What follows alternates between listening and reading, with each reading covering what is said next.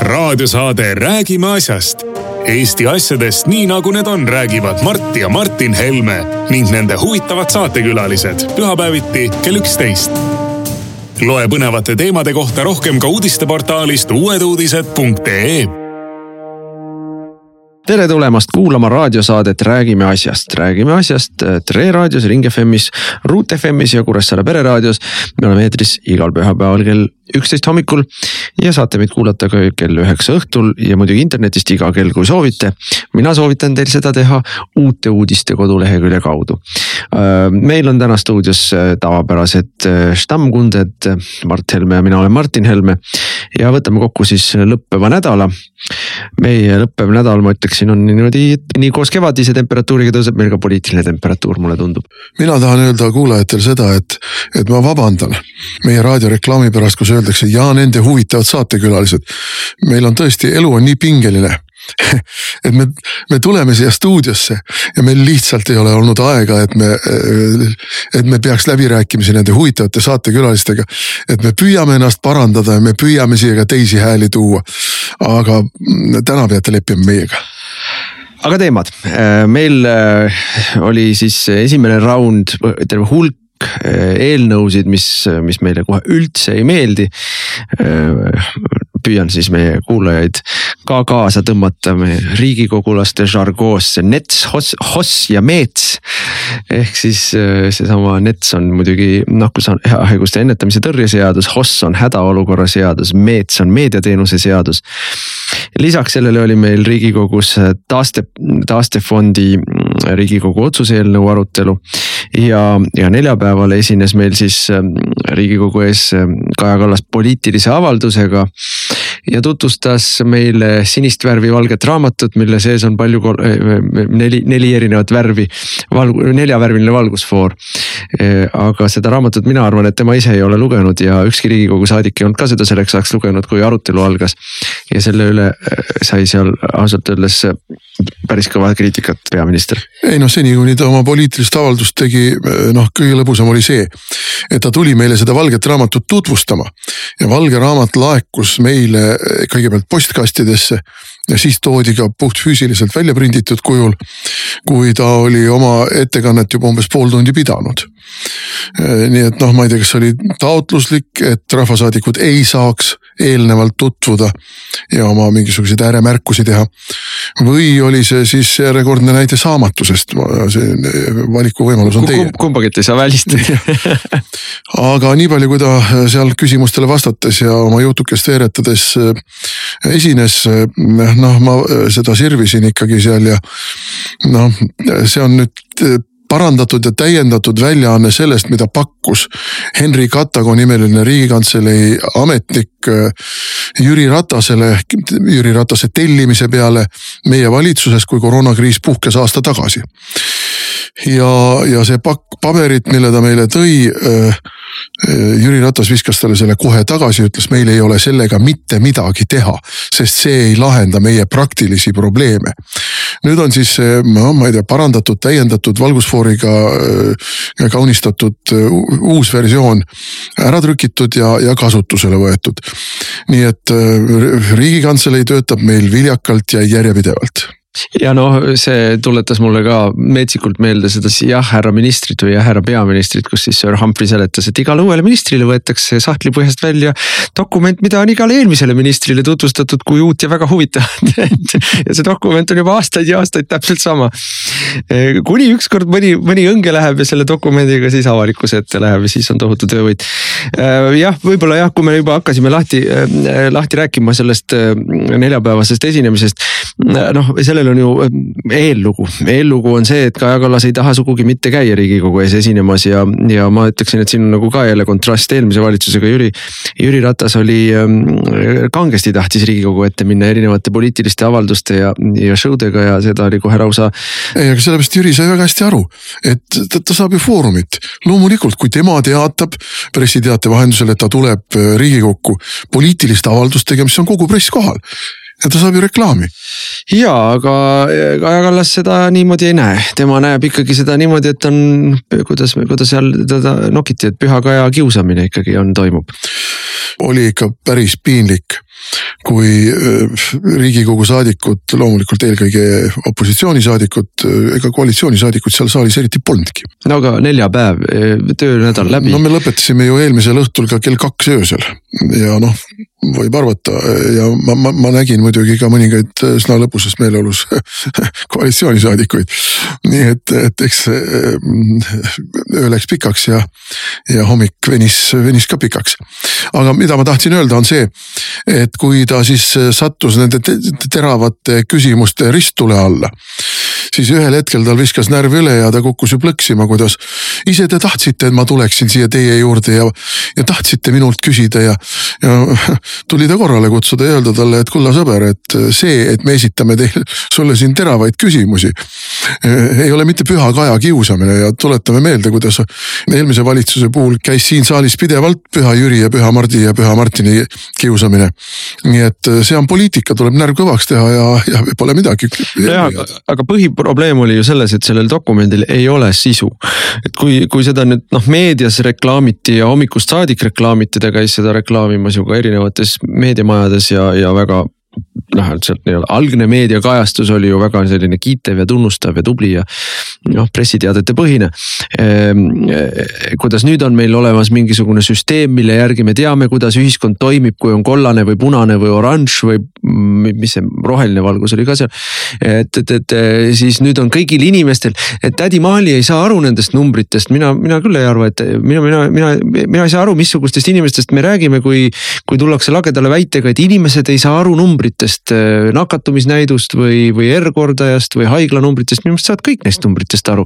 ja kui nad neist numbritest aru ei saa, siis nad ei saa ammugi enam aru mingisugusest kummalisest valgusfoorisüsteemist, kus valgusfoori värve on äh, ainult kaks tükki ja ülejäänud kaks värvi on mingid uued, uued, uued huvitavad leiutised? no see eeldab seda, et iga inimene, kes hommikul üles tõuseb, teeb mingi massiteabevahendi lahti. kus on siis see värviline tabloo näha, kus on näha, kas täna on kollane või roheline või punane või oranž Need on need värvid, mis siis äh, on välja pakutud seal. Äh, no ärge nüüd ikka arvake, et, et äh, väikelinnades ja maakohtades inimesed tõusevad hommikul üles ja hakkavad kohe otsima, et mis värvi päev täna on. et kuidas ma tänasel päeval tohin käituda. no see on ju lihtsalt, lihtsalt naljakas ja naeruväärne. aga meediakajastuse kohta ma tahtsin seda öelda, et, et noh tunnistan ausalt, andsin kaks intervjuud kahele ajakirjandusväljaandele ja kui ma siis pärast viisin neile selle, selle välja prinditud variandi ja nad seda vaatasid, siis nad hakkasid naerma. hakkasid naerma, aga ajakirjanikud on ju meil ka osavad. Äh, uudised on tehtud sellised pehmed, mitte hukkamõistvad ega mitte kriitilised. aga selleks, et tulla sellest olukorrast äh, nägu päästes välja, on kogu selle mm, valge, sinise-valge raamatu tekst erinevates väljaannetes ära toodud, et inimesed loevad ja ise otsustavad.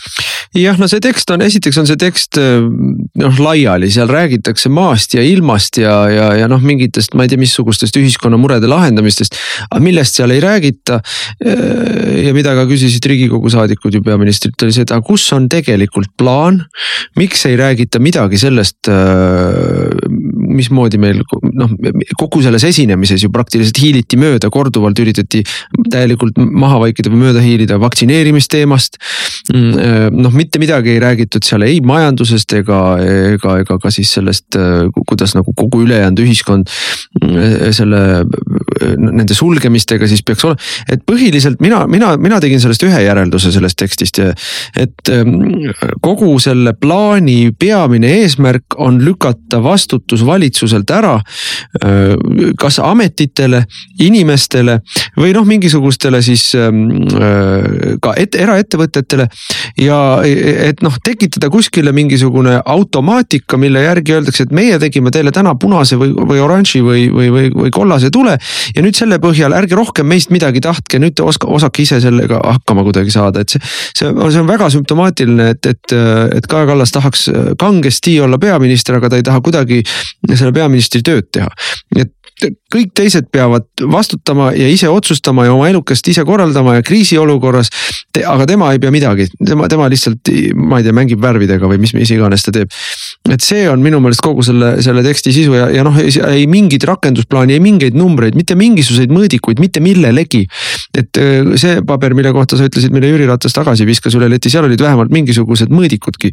noh, need mõõdikud võisid mitte olla adekvaatsed või, või, või, või, või, või olid natukene võib-olla liiga optimistlik, mida iganes. aga, aga need seal olid vähemalt midagigi, mille, mille pinnalt siis nagu otsustada, et kas me oleme ühele poole või teisele poole kaldu. ja selles plaanis muidugi ei ole mitte midagi sellist. no neid olukordi ei saa ka võrrelda, see, kui meie, meile kogu see asi kaela kukkus, siis olid ju esimene teema oli isikukaitsevahendid. Siis selgus, et Reformierakonna pika valitsemisaja jooksul ja, ja, ja ma meenutan, kuidas meie eelmises riigikogu koosseisus, kui peaministriks oli veel Taavi Rõivas Äh, korduvalt ja korduvalt pärisime temalt aru äh, nii-öelda elanikkonnakaitse ja elanikkonnakaitseks vajalike isikukaitsevahendite, varjendite, evakuatsioonikavade ja kõige muu seesuguse kohta. ja siis äh, teatas ta meile, et rakkerühm on kokku pandud, no me teame, et see rakkerühm töötas, töötas välja muide täitsa hea dokumendi ainult et seda dokumenti suures osas või suuremas osas ei ole kahjuks tänase päevani äh, rakendatud, ellu viidud. ja ei ole tehtud seda väga lihtsal põhjusel. Äh, noh, üks põhjus on ka see muidugi, et see koroonakriis tuli peale, aga teine põhjus on ka see, et äh, suurem osa ülesandeid langevad ministeeriumitele, mis ei taha tegeleda sellega. eelkõige Majandus-Kommunikatsiooniministeerium, kes ei taha tegeleda nende küsimustega, hakka tegelema mingisuguse, mingisuguse elanikkonnakaitse jamaga siin. meil on tähtsamaid asju teha. Rail Balticut vaja ehitada, muidugi äh, mis olid minu meelest häbiväärsed, häbiväärsed sellised noh, täiesti piinlikud poliitilised äh, allapoole vööd löögikatsed Kaja Kallase poolt olid, kui ta hakkas rääkima sellest, et teie valitsuse ajal ei vaktsineeritud inimesi, meie ajal on vaktsineeritud juba kakssada tuhat. ja noh, tuletaks meelde, et esimesed vaktsiinid said Euroopa Liidus turule detsembri lõpus ja esimesed doosid jõudsid Eestisse jaanuari alguses. ja kui ma nüüd õigesti, kui ma nüüd õigesti ajalugu mäletan, siis kuskil kaksteist või kolmteist jaanuar kukutati meie valitsus, kolmteist jaanuar. E, nii et e, mida me seal vaktsineerida oleks pidanud e, jõudma. vaktsineerimine läks Eestis ikkagi lahti põhimõtteliselt märtsikuus alles, et veebruaris tehti ka seal väikestes kogustes mingit pakasuhat, aga. et, et noh, see on, see on nii nagu mm, uutes uudistes kirjutati, et see on nagu Nõukogude propaganda, kes võrdles tsaaririigi põllumajandust siis kaheksakümnendate Brežnevi aegset, et tsaaririigis oli kaks traktorit, aga meil on mitu miljonit. et see noh, on nii jabur jutt ja teine muidugi, millega, mille ma, ma, ma kohe olen hämmingus. kui rumalat ja, ja nürimeelset juttu võib ajada või, või noh, lihtsalt valelikku juttu võib ajada, on see piiri, piirikontrolli küsimus, et kui, kui, kui eelmine valitsus eel-, koroonakriisi alguses ikkagi pani korraliku piirikontrolli ja kontrollis seal terviseandmeid ja pani karantiinid ja eneseisolatsioonid. Ja see kõik oli võimalik, siis nüüd äh, ei, ei, ei tehta mitte midagi selle jaoks, et üle piiride sisse tulevad koroonat kontrollida, olgu nad välismaalased või Eesti inimesed. ja, ja, ja, ja sinna juurde veel seletada, kuidas teie tegite Balti mulli ja Balti mulli sees te üldse ei kontrollinud.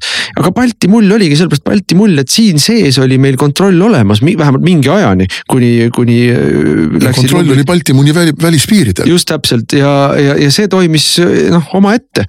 Ja, ja see aitas ju meil, et meie inimesed said Soomes tööl käia ja, ja Läti inimesed said Eestis üle piiri käia et see oli selle asja mõte, aga meil olid ka suhteliselt, eriti Lätiga olid meil ju suhteliselt sarnased näitajad mingitel perioodidel ja kui need näitajad läksid väga lahku, siis see Balti mull ka lagunes. ei, aga no see Balti mull aitas ju meil esimesest lainest üle saada. just, täpselt, esimese laine ajal ei olnud ju meil mingit koroonaplahvatust ja, ja selle Balti mulli üks väga oluline osa oli see, et ukrainlasi ei tulnud Balti mulli ukrainlasi sisse ei tulnud, Aafrika reise sisse ei tulnud. oi no neljapäevases Maalehes on selline hoosianna, kuidas nüüd kolm tuhat ukrainlast tuleb maale ja kõik tööd saavad tehtud ja, ja noh, lihtsalt paradiis. ainult noh, probleem on see, et Ukrainas ei ole praktiliselt mingisugust koroonakontrolli. Ukrainas ei ole vaktsineerimist Ukrainas ei ole statistikat. ja, ja. ja meie ei nõua neilt karantiini. ja siis tulevad siia ja istuvad äh, karjakesi oma mingites putkades seal. suitsetavad äh, ja, ja noh, istuvad just nagu karantiinis aga tegelikult, kui tulevad üle piiri ja veel ei ole keegi neist haige, aga haigus siin välja lööb, siis nakatab kogu selle pundi, kellega ta koos tuli. nii et jah, ma selle valge raamatu, sinist värvi valge raamatu osas olen küll kriitiline, et sellega ei ole mitte midagi peale hakata, see ei ole isegi mitte. See ja, ja noh, ta oli kõigele lisaks käpardlikult ikkagi ka noh kokku pandud, et noh, selgelt ilmselgelt noh ülejala kokku pandud, et saatesõna oli selline, et ei olnudki aru saada, kellele ta kirjutatud oli, kas riigikogule või, või kellelegi teisele.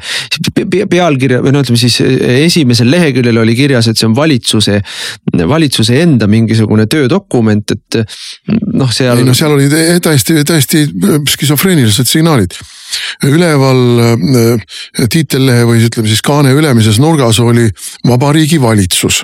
mida see tähendab, ma ei tea. vabariigi Valitsus, mida ta selle dokumendi puhul teab, siis oli selle asjanduse pealkiri. Äh, täpselt ei mäleta, aga koroonakriisist äh, väljumise kava või koroonakriisi. ühiskondliku toimetuleku kava, mingisugune jah, tüüpiline kantseliit. ja siis oli all vasakus nurgas eelnõu kaheksas aprill kaks tuhat kakskümmend üks, eelnõu, kelle eelnõu, mille eelnõu, kus heaks kiidetud eelnõu, eh, missugusel kooskõlastusringil käinud eelnõu. kui te panete sinna kirja, et see on eelnõu, siis eelnõul on oma parameetrid, millele see peab vastama. kui see on Vabariigi Valitsuse otsus või määrus, siis sellel on teised parameetrid. kui see on mingisugune diskussioonidokument, siis ei ole ta eelnõu jah, selle, selles mõttes minu meelest oli see lihtsalt kõik ülejala kokku pandud ja, ja, ja, ja ülimalt sisutühi. Ja ega, ega need sõnumidki olid sellised, et ei, meil ei ole mingeid numbreid ja ei, meil ei ole mingit konkreetset plaani ja ei, me jah, noh, et hakkame nüüd koos arutama, et hakkame, tehke oma ettepanekud. ja ma mõtlesin, et vabandust, mida, mille, mille, mida siis siin riigikogu ees tuldi rääkima, tehke oma ettepanekud, pakkuge ise välja. no kes siis valitseb seda riiki? ei no tehke oma ettepanekud, see on samasugune jutt nagu kolmapäeva õhtul ma andsin vastu nina Tanel Kiigele, kes tuli, tuli rääkima sellesama NETS-i ehk siis eh, nakkushaiguste ennetamise ja tõrje seaduse mm, ühe versiooni puhul, neid on kaks, aga me räägime sellest. kohe jõuame sinna. Eh, pikemalt eh, tuli rääkima nina krimpsutades ja kõveralt naeratades, et ei no eks see on kõik teie otsustada. rahvasaadikud otsustavad ja võtavad vastu või lükkavad tagasi. kulla sõbrakene, mida sa siin tuled meile rääkima, et meie otsustame, see on see küüniline jutt. See on ju selge, et koalitsioon on otsustanud selle läbi rammida. ja meie asi on praegu tekitada olukord, kus teil ei õnnestu see läbi rammida.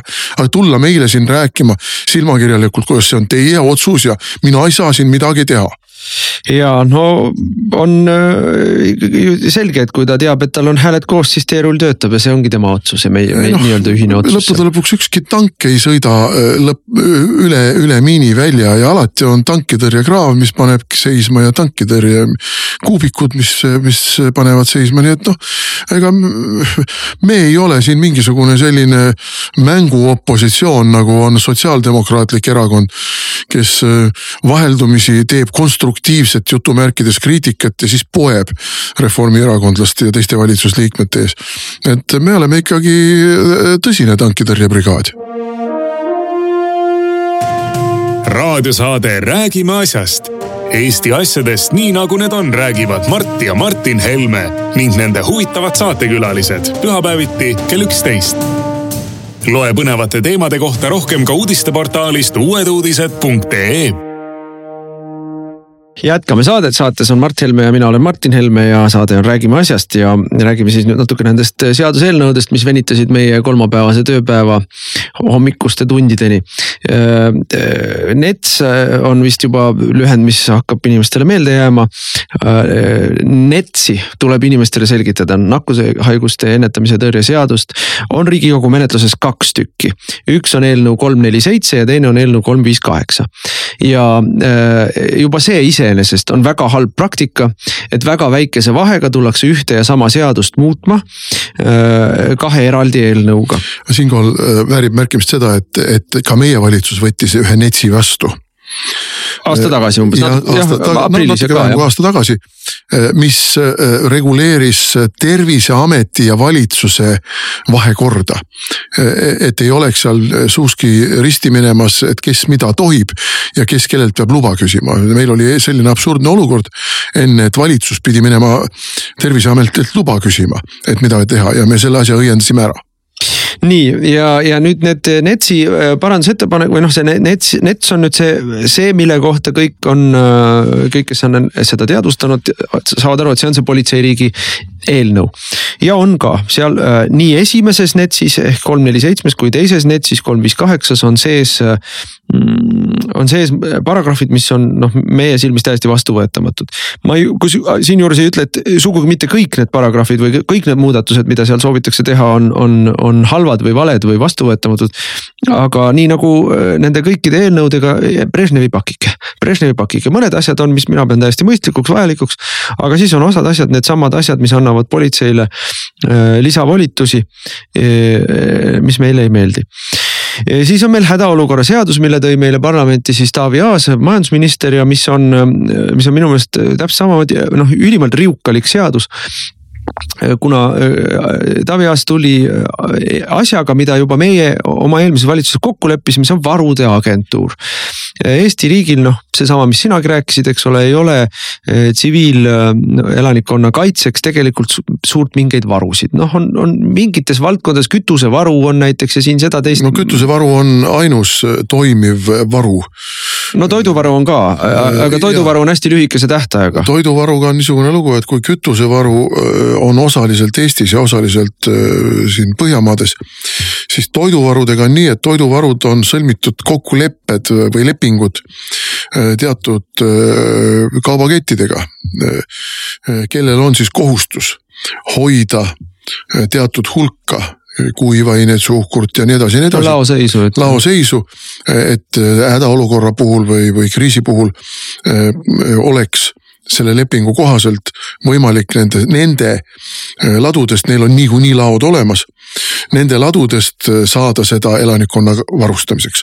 sest et noh, siin on tehtud kalkulatsioon, et kui me riigina ehitame ise mingid hiiglaslikud laopinnad ja sinna ladustame kõiki neid erinevaid asju, need on väga erinevad asjad. alates äh, soolast ja tikkudest ja seebist ja lõpetades. Äh, no väikelaste toiduga näiteks jah. väikelaste toiduga, mingisuguste hügieenivahenditega ja nii edasi ja nii edasi. see kaubanomenklatuur on üsna suur ja riigile ehitada hiiglaslikud laod, neid täita, seal seda kaupa kogu aeg roteerida sest kaup ei seisa igavesti, seda kaupa valvata, selle kauba logistikat teki, tekitada, et seda üle Eesti. erasektor saab alati paremini hakkama et äh, erasektor saab alati paremini hakkama, see on kogu selle asja mõte olnud. Äh, nüüd tahetakse seda kõike koondada ühe ametkonna alla, kes siis sõlmiks need lepingud ja garanteeriks, et lepinguid täidetakse ja, ja, ja kõike muud seesugust. jah, ja see, sellega me oleme nõus, selle me töötasime eelmises valitsuses läbi ja, ja, ja otsisime seal kõige mõistlikumat, kõige optimaalsemat lahendust, mis, mis tagaks ära selle, et meil on varud. ja, ja, ja samal ajal ei tekitaks riigile mingisugust, ma ei tea, kaheksakümne miljonilist kohutavat eelarve, eelarve kulu, millele siis järgneb igal aastal veel teist kümme miljonit jooksvat kulu, et seda me ei tahtnud. Ja, ja see, see, see kõik sobib, aga siis on sinna nüüd jälle Brežnevi pakike juurde keevitatud. et koos selle hädaolukorra seaduse või, koos selle varude agentuuriga tahetakse muuta hädaolukorra seadust selliselt, et antakse riigikantseleile jälle erakorralisi volitusi juurde. kõik need nii-öelda, kõik need erakorralise varud sisuliselt allutada, et töö teevad ära kõik teised, aga sisuliselt allutatakse riigikantseleile. pluss siis pannakse seal päästeamet, päästeamet tegema töid, mis ei ole tema tööd ja vastutama asjade eest, mis ei ole tema vastutus. nii et sinna on jälle juurde kirjutatud mingisugused täiesti arusaamatul põhjusel, ma, ma, ma tõesti ei saa aru, miks niisuguseid asju sokutatakse sinna sellistesse eelnõudesse sisse. mis meile no täiesti selgelt noh, ma näen, et see on nii-öelda samas loogikas tehtud kui see NETS. ja, ja siis muidugi see NETS kaks ehk siis see, mille nad tulid hiljem, mõni nädal hiljem välja. mille, mille põhiiva on siis, siis just nüüd see, et inimeste terviseandmeid, inimeste terviseinfot hakatakse teatud tingimustel, teatud olukordades jagama siis jõustruktuuridega ehk politseiga. ja, ja noh, kõik väidetavalt ikka selle jaoks, et, et politsei peab teadma, kus ja kes on nakatunud ja kus ja kes on karantiinis või, või eneseisolatsioonis ja eh, nii nagu kõik sotsiaalministeeriumi asjad täiesti läbi töötamata, täiesti selgelt reguleerimata, eh, mingit korralikku eh, vastutust ei ole. ja, ja seda mõtteviisigi, et minu isikuandmed, seda, minu terviseandmed, seda, millise arsti juures ma olen käinud, millist ravi saan, millised rohud mul on olnud, missuguseid asju mul on tehtud või ei ole tehtud. Et noh, need on minu andmed, neid riik tegelikult isegi ei tohiks koguda, need on minu ja arsti vahelised asjad ja, ja, ja nüüd mitte ainult ei võta riik, riik neid endale, vaid hakkab jagama neid politseinikega.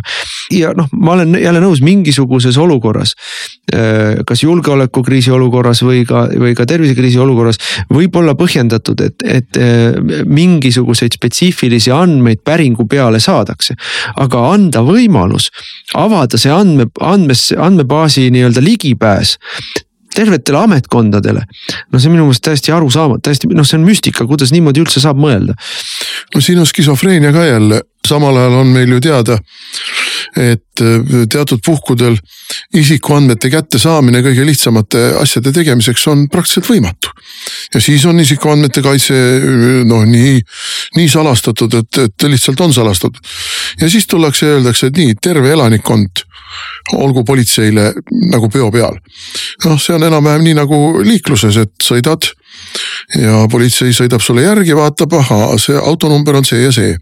lööb selle oma arvutisse, vaatab, mis seal on, ahhaa, see juht on jäänud äh, aasta tagasi või kaks aastat tagasi äh, selle teise asjaga vahele.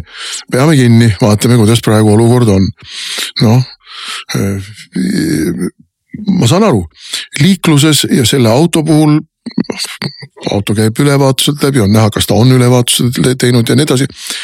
ma ei vaidle sellele vastu, aga see on auto ja see on minu liikluskäitumine minu autojuhi liikluskäitumine.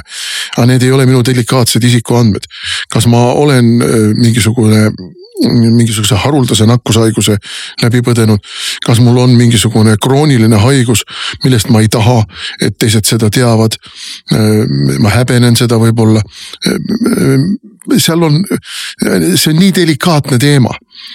et, et seda siin jagada mööda ilma laiali, noh. sama hästi võiks küsida, sama hästi võiks siis äh, teistpidi ka küsida, et aga äkki on arstil ka vaja teada sinu liikluskäitumist. et mis sul häbeneda on, kui sa korralik inimene oled, siis mis sul häbeneda on, aga tegelikult ei ole vaja teada, sest see on sinu andmestik. ei no tegelikult on asi ju milles, tegelikult on asi selles ja ma ütlesin selle ka välja. tegelikult koondatakse praegu hiiglaslikku andmepanka, mis läheb täies ulatuses süvariigi kasutusse ja süvariik saab siis ära näha absoluutselt kõik inimese kohta. nimesid nimetamata, asutusi nimetamata, kui ma olin rahandusminister, siis ma muutsin, äh, siis me muutsime seadust äh, ühe väikese paragrahvikesega, ka määrust muutisime. mis ei võimaldanud kuni sinnamaani, äh, kui varasemalt sai, said ka Eesti kaks luureasutust maksuandmetele ligipääsu iseenesest, ei pidanud midagi päringut tegema, ei pidanud midagi aru andma, kuhu ja milleks ja nad seda kasutavad. lihtsalt said käia andmebaasides sobramas, mina selle panin kinni, oi kui kurjad nad olid, oi kui kurjad nad olid. aga nii, et noh, ma ei tea, mis tänasel päeval on, äkki on uuesti lahti keeratud. noh, aga, aga mina selle panin kinni, sest mina ei arva, et Eh, julgeolekuasutused ilma teadmisvajaduseta ja ilma vastava taotluseta, ilma ametliku kanalita, ilma logisid maha jätmata. peavad saama nihukeseid asju teada ja, ja, ja see on ta sama asi ka tervise, terviseandmete puhul, et eh, jah, kahtlemata nii riigi julgeoleku seisukohalt kui ka epideemilises olukorras võib tekkida olukordi, kus, eh, kus on mingeid andmeid vaja küsida ja siis tehaksegi päring ja küsitaksegi. ja, ja sellest jääb jälg maha ja, ja, ja see on kontrollitud ja, ja, ja on selgelt teada, kes küsis. et ei ole niimoodi, et äh, lihtsalt sinu andmed kuskil on, ma ei tea, suure laia välja peal ja, ja tuhandel inimesel on ligipääs, sest et mida rohkematel inimestel on ligipääs, seda selgem on risk, et see hakkab, läheb jalutama. ja seda ei ole vaja lubada, nii et see on NETS-i siis, NETS-i noorem vend. Hoss on NETS-i kaksikvend. Äh, nüüd veel üks eelnõu, mis meil käis läbi, on siis meediateenuste seadus seadus ehk meets ja see on nüüd vihakõneseadus, see no, on viha. tsensuuriseadus. ja see on tsensuuriseadus, täpselt nii, et ega, ega ei ole mõtet nagu nende terminitega siin hellitada, vihakõne ja vaenukõne või mis iganes eufemismikestega meile siin esinetakse, on tsensuuriseadus. ja noh, mis me olime seal kuskil kella üheteistkümnest üheni või, või poole kaheni või millal, ei natuke varem ajasime ikkagi, ajasime ikkagi äh, sõrad vastu sellele seadusele riigikogus ülimalt halb seadus, juba, juba puhtalt kvaliteedi mõttes halb seadus, puha, noh äärmiselt räpakalt kokku kirjutatud seadus, Euroopa regulatsiooni põhjendusega kokku kirjutatud seadus, direktiiv nõuab meilt, aga tegelikult on direktiivile vint, mitu vinti peale kirjutatud. Ja, ja, ja sellel seadusel on, ma soovitan kõigil minna ja lugeda ähm,, uutes uudistes on Jaak Valge äh, siis sõnavõtt selle seaduse äh,, selle seaduse menetlemisel riigikogus esimesel lugemisel. kus ta süstemaatiliselt või punkt punkti haaval toob välja, miks siis seda seadust ei tohi vastu võtta. ja äh, noh, esiteks sellepärast, et see seadus äh, tõepoolest annab äh, ühele riigiasutusele ehk TTJA-le. tehnilise. ja tehnilise järelevalve äh, ametile, ametile annab õiguse äh, trahvida, noomida või sulgeda meediaettevõtteid sisu põhjal, sisu põhjal ja see sisu on loomulikult äh, liberaalse frondi ideoloogiline sisu. no Anneli Ott, kultuuriminister, kes seda siis meile esitles Äh, rõhutas kogu aeg, et see on viha ja vägivalla õhutamise vastane äh, eelnõu. Äh, noh, temalt küsiti väga palju kordi, et toogu siis näiteid sellest viha õhutamisest ja vägivalla õhutamisest ja, ja teoks saanud vägivallast Eesti Vabariigis. no näiteid ei olnud tal midagi tuua. ei ole jah. ja, ja, ja noh, muidugi nii nagu, nii nagu NETS-i puhul väidavad politsei politseijuhid ja, ja apologeedid. et aga seda ei hakata ju kasutama, ega politsei ei hakka ju jõudu kasutama. no miks siis seda seadust vaja on? Nii ka nüüd. Anneli Ott tegi meile puust ja punaseks selgeks, aga me ei jäänud teda ikkagi uskuma. et TTJA-s hakkab tööle siis selle seaduse täitmise kontrollimisega kaks või kolm inimest. Need on oma ala spetsialistid, need on kõrgelt kvalifitseeritud spetsialistid, kes mitte mingil juhul ei hakka kuritarvitama oma võimu. no kellele sa sellist muinasjuttu räägid? see on siis nihuke lumivalgekese jutt ja mida ta veel rõhutas, oli see, et aga see amet on sõltumatu, et ärge muretsege, amet on sõltumatu, seal ei ole poliitilist noh, ütleme, et valitsus ei saa öelda, et äh, kiusake seda või teist väljaannet või, või seda või teist. kiusavad omast tarkusest. no muidugi kiusavad omast tarkusest, anna ametnikule jupi jumalale võim ja ta äh, pigistab viimase sellest võimust välja. ja, ja äh, noh, mida muidugi, mida muidugi väga selgelt selle diskussiooni käigus suutsime me ikkagi välja tuua, on see, et mitte mingisugust mõõdupuud ei ole. mitte mingit mõõdupuud siis, mis siis on keelatud, mis siis ei ole keelatud. ja millised sõnavõtud on need, mida tohib ja millised on need, mille eest sind karistatakse, ei ole. See iseenesest loob juba hirmuõhkkonna. sa tead, et sind saab karistada ja sind saab karistada põhimõtteliselt noh lakke vahtides. ja, ja, ja teine väga oluline, see on ka sellest seadusest ja kogu sellest arutelusest tuleb väga-väga selgelt välja. karistama hakatakse kaebuste pealt. kuna need kaks või kolm ametnikku, noh, neid on nii vähe kogu meedia jälgimiseks, siis nad reageerivad ainult märguannete peale, noh, see on siis jälle selline uus keel selle kohta, kuidas, kui, kuidas äh, tegelikult meil luuakse pealekaebamisühiskonda. see toimib meil juba Facebook induses ja, ja Twitterduses, piisab sellest, et keegi kaebab ja meie inimeste peale on väga palju kaevatud, kui neil pannakse mingisugune sulgemine peale, päev nädal, nii kuidas kellelegi, eks ole. täiesti sõltumatult, me ei, oma Facebooki konto kasutaja ei saa mitte midagi teha. ja praegu tuleb täpselt sama asi, sest mis on nende volitus, mis on nende võimuses? Nende võimuses on väljaannetelt luba ära võtta, väljaannete toime, tegevust tühistada. seesama raadiosaade, kus meie praegu oleme. raadiot nad väidavad, et ei saa, sest et see on ainult audiovisuaalne ehk siis videod, et no, raadiot ei saa veel mitte. tuleb uus seaduse parandus ja, ja jõua, jõuavad ka raadioni ja jõuavad ka televisioonini. ei, televisioonini jõudsid juba, see ongi see saade, mis teeb uute et, uudiste et, videod saab kinni panna. kaevatakse, räägime asjast saates oli vihakõne. keegi oli, leidis, et ta on solvatud ja otsus, paneme kinni, võtame loa ära, kõik see on, see on noh, ma tõin ka võrdluse, et mulle meenutab see ikkagi täiesti nõukogude aega, kus praktiliselt kõik oli võimalik tembeldada nõukogude vastaseks agitatsiooniks. praktiliselt kõik ütlesid, et kartulisaak oli sel aastal vilets ja see oli nõukogude vastane agitatsioon. ütlesid, et ameeriklastel on paremad autod kui, kui nõukogude autod, see oli nõukogude vastane agitatsioon. kõike oli võimalik teha nõukogude vastaseks agitatsiooniks. nüüd on täpselt sama lugu tuleb, kõike on võimalik nimetada vihakõneks. ja noh, muidugi hõrk hõrk detail. TTJA meedianõunik on Peeter Sookruus.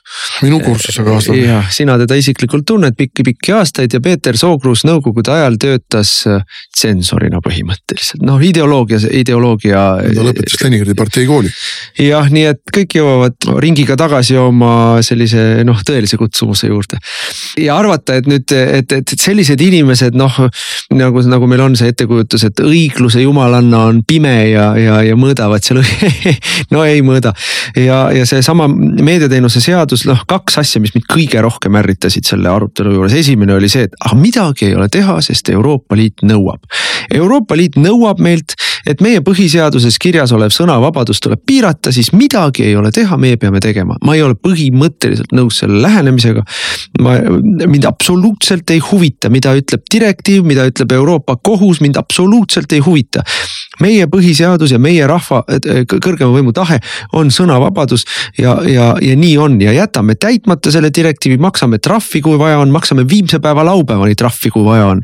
aga ei tee seda. ei maksa trahvi viimse päeva laupäevani, enne astume välja Euroopa Liidust. no vot, et, et noh, see, see ei saa olla niimoodi, et Euroopa Liit nõuab et meil tuleb kehtestada tsensuur ja meie valitsus kehtestab, midagi ei ole teha. issand karistada tahab, sellelt võtab mõistuse ja me näeme, kuidas Ameerikas on mõistus võetud juba.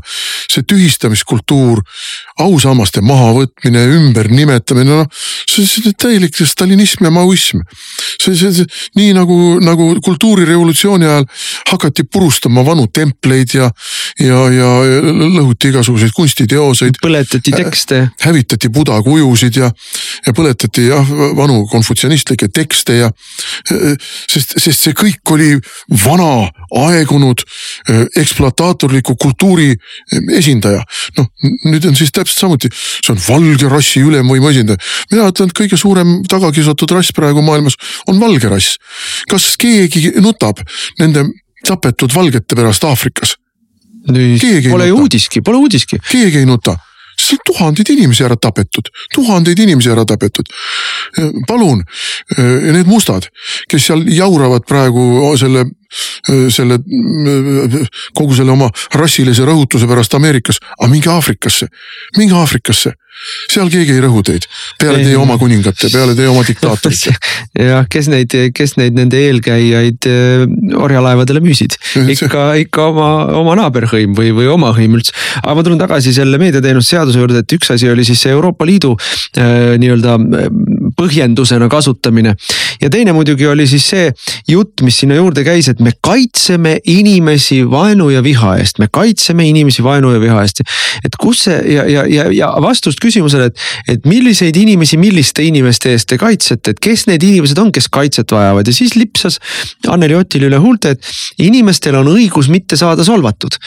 no vot sellist õigust küll ei ole ja sellist õigust ka luua ei tohi, sest et niipea kui me ütleme, et inimesel on õigus öelda, et sa ei tohi mulle midagi öelda, siis väga paljud inimesed seda nii hakkavadki kasutama seda ja ütlevad, sina ei tohi öelda, et ei, mulle ei meeldi immigrandid, sina ei tohi öelda, et ei, mulle ei, mulle ei meeldi homoabielud, transsoolised, äh, kümneaastaste inim-, laste äh, transsoolisteks äh, kuulutamine ja nii edasi, nii edasi. et ei, sa ei või seda öelda, sest sinu jutt solvab mind, sinu jutt on vaenu õhutav minu jaoks. ja, ja niipea kui me lubame nagu sellel standardil tekkida, et inimene ütleb, mul tunne on selline, et ma tunnen ennast halvasti sinu jutu tõttu, selle tõttu sina pead suu kinni panema. me oleme totalitaristlikus ühiskonnas igal juhul. no aga äh, see ongi, selles ühiskonnas need, kes ei kuulu mm, õige, õigele poolele, neid võib solvata Nende suhtes võib vihakõne ja, ja mul on muidugi küsimus kõikide nende nii NETS, HOS, METS, kes need, mis need seadused meil kõik on, need moodustavad komplekti. Need on, need on ja need on need te,, tegelikult see on see komplekt. ja sellel komplektil olevaks taustaks on see, mis toimus jaanuarikuus valitsuse vahetamise, kuidas toimus valitsuse vahetamine. on see põhjus, miks mina arvan, et inimesed on juba nädal aega Toompeal äh, meelt avaldamas. ja mul ja kohe lähme selle Toompea meelt, meeleavalduse juurde, aga mul on nagu küsimus, kus on õiguskantsler minister eh, selle, selle hädaolukorra seaduse, meediateenuste seaduse või, või nakkushaiguse ennetamise seaduse eh, ohtude puhul, ma, ma lugesin, ma lugesin mingist kurioosum uudist sellest, kuidas õiguskantsler leidis, et lasteaiad ei tohi lastevanematelt küsida, miks nad lapse kooli või lasteaeda tõid, et see on sekkumine eraellu. aga eh, noh, see noh, see, see on iseenesest ma, ma ei või, ma ei pruugi vaielda selle, selle seisukohaga, aga see on, see on nagu täiesti triviaalne või ma ei tea, seitsmekümnenda järgu küsimus võrreldes sellega, et kas politseinik võib tulla sinu koju sisse ilma kohtuorderita või ei või sisse tulla no,. ja selle kohta ta midagi ei ütle. õiguskantsler mingisuguse väga uduse ja laialivalguva sõnavõtu tegi, kus noh, ei saanud aru, see oli noh, ühelt poolt ja teiselt poolt. aga aasta tagasi, kui me eriolukorra üle arutlesime, eh, eh, siis ta mõistis kõik need asjad, mis on praegu NETS-ides ja, ja siis selles pagana äh, meediateenuste seaduses. kõik need asjad olid halvad asjad. ja selgelt kõik ja avalikult muide. olid halvad asjad. Äh, need videod on võimalik kõik ilusti, kus ta andis uudistele kommentaare ja nii edasi. üles korjata, võib-olla, et me peaksime sellest ka uutesse uudistesse tegema kohe täispaketi, siis tal ei olnud küll suu vett täis. aga nüüd, kus ta ootab, et aga äkki keegi nimetab ta presidendikandidaadiks ja Keskerakonna ja Reformierakonna häältega äkki saabki presidendiks. vaat nüüd on suu vett täis, nüüd ühiskonna suukorvistamist, tsensuuri sisseseadmist, politseile piiramatute ajaliselt ja, ja muus mõttes piiramatute nuia andmise ja, ja kodu, kodudesse tungimise volituste andmine. selle koha pealt tal ei ole midagi ütelda ja noh, loomulikult Kadriorus istuv tegelane, see noh, see on oma päikesetõusuga ka kuskile ära kadunud. kusjuures ma meenutan, et Kadrioru tädi äh, ju saatis riigikogule mitmeid kordi tagasi äh, sõjaväeluure teemalise äh, eelnõu äh, ka suure murega sellepärast, et me anname liiga suuri volitusi jõustruktuuridele. ja, ja ma tahaks kohe näha, kuidas tema nüüd äh, saadab täpselt samamoodi meile tagasi selle NETS-i või HOS-i. ei no ta ei saada. nii et aga, aga ma ütlen selle õiguskantsleri kohta, et just selle tõttu et ta praegu istub põõsas, ei saa teda presidendikandidaadina toetada. ei no ja see, see, kui me tuleme nüüd nende meeleavaldajate juurde, siis need meeleavaldajad ongi seal just nimelt nende netside pärast. Nets on, need kaks netsi, kusjuures paljud muidugi nendest ei tee väga vahet, kumb on kumb. Nad käsitlevad või näevad neid ühena. aga just nimelt selle politseiriigi kehtestamine, tsensuuri kehtestamine, inimeste õiguste jalgade alla tallamine, see on see, miks inimesed seal on. meie meedia, valelik ja, ja propagandistlik, kujutab neid mingisuguste koroonavastastena. seal on kindlasti ka koroonavastaseid, koroonavastased ja mingisugused Kremli agendid. kui nad seal ka käivad, kui seal ka mõni on, see on marginaalne osa sellest. ma olen nendega vestelnud seal mitmetega. meie inimesed fraktsiooni liikmed on seal ka käinud vestlemas. suurem osa nendest inimestest on täiesti tavalised, normaalsed Eesti väikeettevõtjad, tööinimesed, pereinimesed. ja, ja, ja nad kõik ütlevad ja, ja nende plakatid kõnelevad iseenda eest. Need plakatid, kus on kriipsud peale tõmmatud inimeste, saadikute nägudele, on ju just need saadikud, kes hääletasid NETS-i tagasilükkamise vastu me ju tegime eelmisel nädalal ettepaneku see seadus, seaduse lugemine katkestada, tagasi lükatada. me olime ainsad, kes hääletasid tagasilükkamise poolt. ja, ja need inimesed on need kõik saadikud nende plakatitega väljas, tõmmanud neile kriipsud peale. ja, ja, ja, ja nad on just nimelt nende vastu, selle vastu, et see seadus edasi läheb. nii et siin meie meedia loomulikult süvariigi soovituste põhjal püüab neid näidata teistena, kes nad tegelikult ei ole no ma meedia suhtes olen siin äh, esimeses järjekorras kõige kriitilisem, et kas meedia, pealiskaudse meedia tarbimise juures inimesed üldse teavad, et juba nädal aega, rohkem kui nädal aega toimuvad Toompeal äh, parlamendi ees meeleavaldused, mis suurematel hetkedel on üle tuhande inimesega. inimesed ei teagi et meil on põhimõtteliselt nädal aega järjest on Toompeal ütleme siis taasiseseisvumisaegsetest äh, sellistest poliitilistest meeleavaldustest ikkagi üks suuremaid meeleavaldusi käimas järjekindlalt nädal aega. väga selge poliitilise sõnumiga ja sellest ei praktiliselt mitte mingeid uudiseid ja paneme nüüd siia kõrvale meediakajastuse sellele, kui mingisugune käputäis noh, varateismelisi aeti öö, kliimareedetel Toompea ette noh, suhteliselt ebakoherentset jutukest ajama. see oli, see oli suured esiuudised, noored päästavad maailma täielik jälk propaganda. paneme siia kõrvale selle, kuidas meedia kajastas neid kinni makstud sotsiaaldemokraate, kes käisid küll meil Stenbocki ees ja hiljem siis selle superministeeriumi ees, kui meie valitsus oli võimul käputäis, neli, viis, kuus inimest.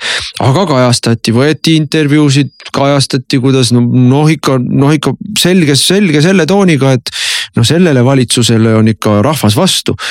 ja nüüd on päriselt on rahvas väljas. kusjuures siin ja, on väga vaja öelda, et meie erakond ei puutu sellesse absoluutselt. me ei ole mitte sõrmeotsagagi liigutanud, et seal mingisugustki organisatoorset või muud tegevust arendada nendega koos. me oleme käinud nendega platsi peal vestlemas see on kõik, meie ei ole midagi organiseerinud, kedagi kohale toonud. Ehm, meil puutub igasugune puutumus. see on täiesti spontaanne. täiesti rohujuure tasandil spontaanne protest.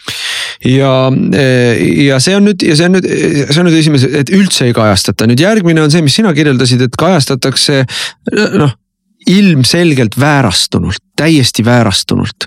ja, ja see noh, loomulikult esimene silt, mis lüüakse Eestis kõigile otsaette, on Kremli agent. Jah, seal on ilmselt ka eh, venelasi ja, ja seal tõenäoliselt. kõik meie inimesed, teine propaganda pool on ju see jällegi skisofreenia. meie inimesed, me ei tee vahet, Kaja Kallas käib meil rääkimas. mina ei tee küll vahet, kes on puhtavereline eestlane, mina ei tee küll vahet ei nahavärvil ega, ega keelel, mida ta räägib, need on kõik meie inimesed, no, no kõik, kõik meie, meie inimesed. täpselt ja, ja, ja noh, ma ei kahtle ka hetkekski, et kui sul on platsi peal tuhatkond inimest.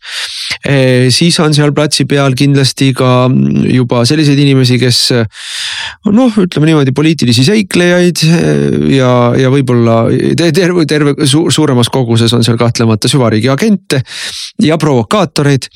Eh, ja mitte ainult Eesti omasid, vaid, vaid ka ma ei tea, siis erinevate Eestist huvitatud suurriikide omasid.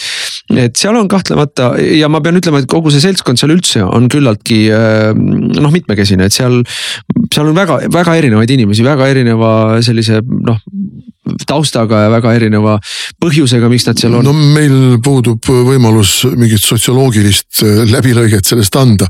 aga noh, visuaalselt vaadates on äh, täitsa huvitav see, et tegemist on parimas elueas inimestega viljakas elueas inimestega, ei ole mingisugune niisugune ättide, ättide kamp seal.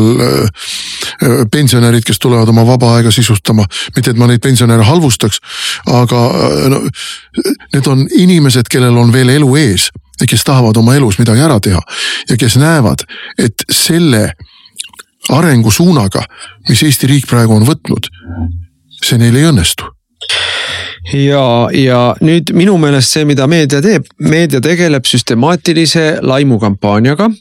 ja see ei ole juhuslik, vaid selle süstemaatilise laimukampaania eesmärk on ette valmistada ikkagi äh, sellist olukorda, kus nende selle, seda, seda, seda nii-öelda meeleavaldust seal hakatakse kuidagi minema ajama.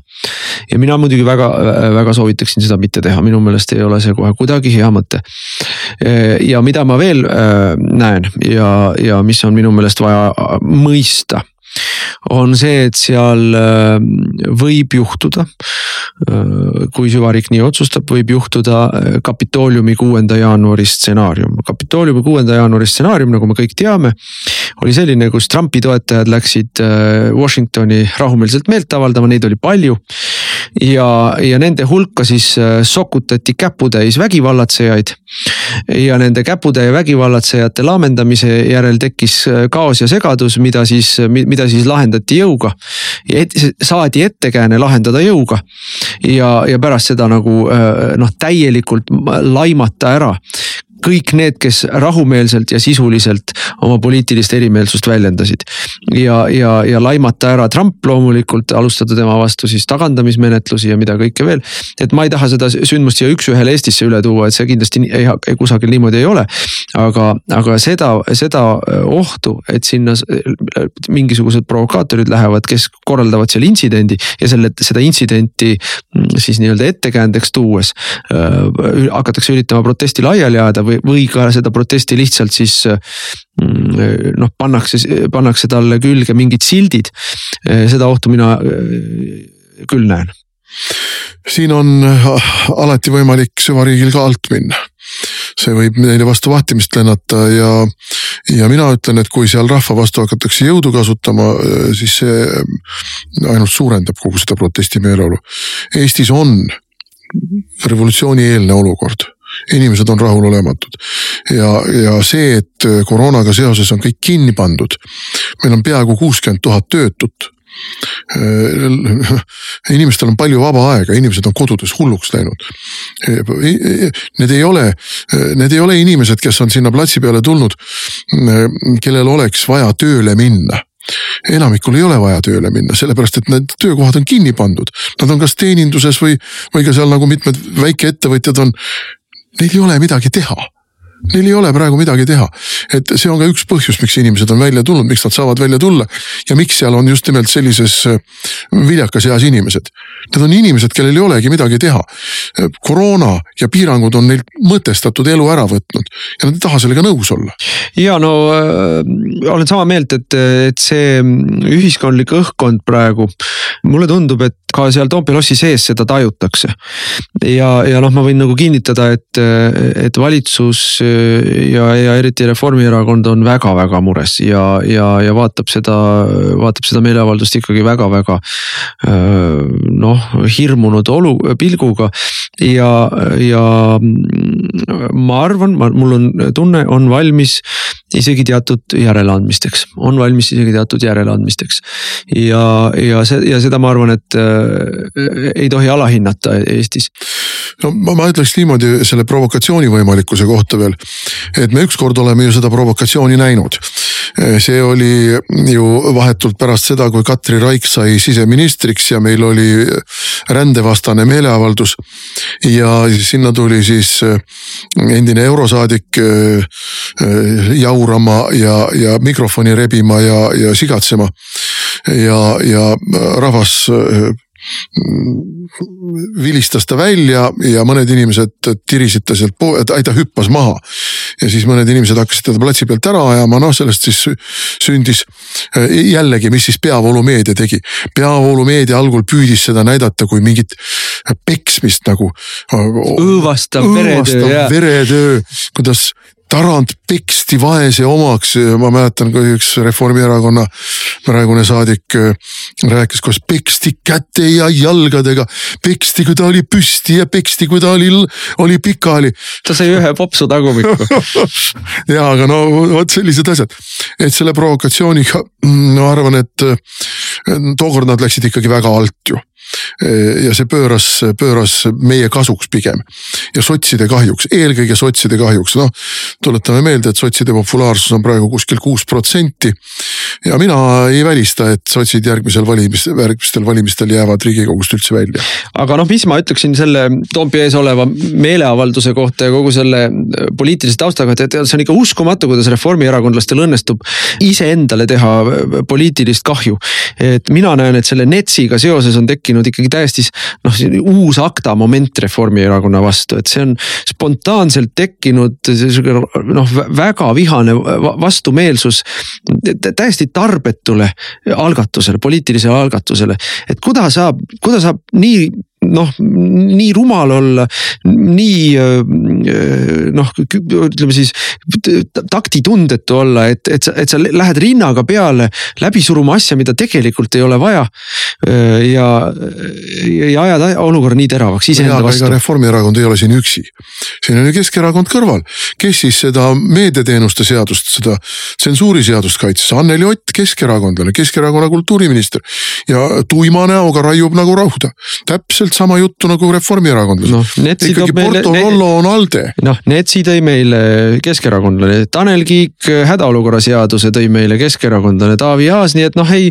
ei, selles mõttes muidugi loomulikult nad on, nad on siin äh, rõõmsalt koos ja, ja, ja ei saanud isegi aru, ma rääkisin ka ühe reformierakondlasega, et, et meie, mina ei saa aru, mis teil sellega nii suur probleem on. ma ütlesin, aga see ongi probleem, et te isegi ei saa aru see ongi probleem nii et noh, minu, minu, minu soovitus küll on, et, et siin tuleks äh, selle, selle selle pahameele on esile kutsunud, siin on taust loomulikult, ma arvan, et üks osa sellest pahameelest ikka kahtlemata on ka see, et Eestis äh, toimus valitsuse vahetus nii nagu ta toimus, et, noh, see, see, mida no, me nimetame ikkagi riigipöördeks. Noh. just no. ja algul inimesed noh, võtsid seda niimoodi, et noh, hea küll, valitsused ikka vahetuvad, ei olnud ilus, kuidas seda tehti ja, ja tunti meile kaasa ja, ja noh, meie populaarsus tänu sellele ka tõusis. aga mm, nüüd on veel ära nähtud ka see, et see päikesetõusu valitsus, et päike tõusiski solgipangest päike tõusis solgipangest ja, ja mitte midagi head ei ole sealt tulnud. sealt tulevad kõik need igasugused vihakõneseadused, seal on totaalne saamatus äh, toimetulekuks äh, koroonaga. seal on totaalne saamatus vaktsiinide hankimisega ja, ja vaktsiinide süstimisega. Äh, me võiksime praegu, ma ütlesin seda riigikogus ka, me võiksime praegu kõik vanemad kui kaheksakümne aastased paari päevaga ära vaktsineerida, paari päevaga, vaktsiine on piisavalt vaktsiine on piisavalt, tuleb ainult kokku leppida ja see on puhtalt sotsiaalministeeriumi ja terviseameti ülesanne. kes seda teevad, teevad perearstid, teevad erakliinikud, riik maksab selle kinni. teevad need vaktsineerimispunktid linnades. nädalavahetuse, kahe nädalavahetusega on asi tehtud ei, ei saa tehtud. aetakse inimesi, kes tulevad sinna vaktsineerima, aetakse ära. pigem mingu vaktsiinid raisku, aga inimestele süsti ei tee. no koos selle muu jultumusega, mis siin on, on ikkagi äh, lisaks sellele valitsus ikkagi noh, rullib riigikogust üle ka äh, viisil, mis, mis minu meelest on noh, ei ole tükk aega jälle näinud, et äh, lisaeelarve toodi meile. sellega oli hirmus kiire, kiire, kiire, me tahame Eesti majandust ja Eesti ettevõtteid aidata, me ei hakanud lisaeelarvega juntima sugugi. Ja siis loobiti veel pärast lisaeelarvet sinna neli eelnõud juurde, mis on seotud lisaeelarvega, aga need eelnõud tuleb vastu võtta ennem lisaeelarvet, sellepärast et nad on seotud rahaliste vahendite eraldamisega ja mis kõik veel. ja, ja, ja riigikogust äh, rammiti räägitakse läbi kahe nädalaga neli, neli, neli eelnõud, millele antakse muudatusettepanekute tegemiseks üks päev näiteks. materjale riigikogu suurde saali ei tooda seadusega ette nähtud tähtaegadeks, et noh, noh see, see näitab selle tänase valitsuse nagu noh nahaalsust mm, kogu poliitilise protsessi suhtes. ja ma, ja ma arvan, et see on ka üks põhjus, miks, miks, miks inimesed protestivad, miks see, miks see, miks see, see protestimeelsus on tegelikult noh, nii keemispunktini jõudnud. ja no ega oleme korduvalt siin rääkinud, reformierakondlased ei ole midagi õppinud, mitte midagi ei ole õppinud. Nad on täpselt sama ülbed, täpselt sama ülbed, täpselt sama omakasupüüdlikud, täpselt sama võimuahned. ja no Keskerakonna puhul ma arvan ka inimestel hakkavad ikkagi silmad lahti minema ja nad hakkavad aru saama, et. Et Jüri Ratase Keskerakond ei ole enam see Keskerakond, mis seisis sundüürnike eest ja seisis siin, ma ei tea veel. maainimeste eest seisis, pensionäride eest seisis, kelle kõikide nende niisuguste noh, elus raskustega silmitsi seisvate gruppide eest. Jüri Ratase Keskerakond seda ei tee. Jüri Ratase Keskerakond seisab Euroopa Komisjoni käsulaudade eest. ja, ja see on tee, ta on, ta on üdini truu. Aldele Euroopa Parlamendi liberaalide fraktsioonile. ta on üdini truu kõikidele euro käsulaudadele, ükskõik kui muserdavalt see kõik ei mõju meie kohalikele inimestele. ja no me ei, ei jõudnud, me rääkisime muud, muude teemadega oma aja umbe, me ei jõudnud rääkida sellest Euroopa taastefondi otsuse eelnõust, mis ka oli. noh, mis on, mis on sügavalt, sügavalt Eesti suveräänsust ja, ja otsustusvabadust piirav ja, ja, ja Eestile ka majanduslikult pikas plaanis ohtlik.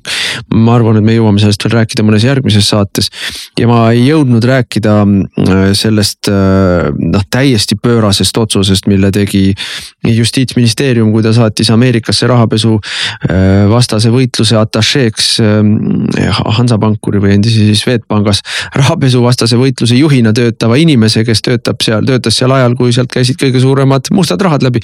et äh, noh, see on, see on, see on hämmastav, noh, see, see, see on samas liinis kõigi selle jultumuse ja nahaalsuse paketiga. aga me jõuame neist asjadest vast rääkida mõnel järgmisel korral, sest et nüüd tuleb tunnistada, meie aeg sai otsa, muidu lõikab masin meil, meil jutu poole pealt ära. täname kuulamast ja kuulake meid jälle nädala pärast.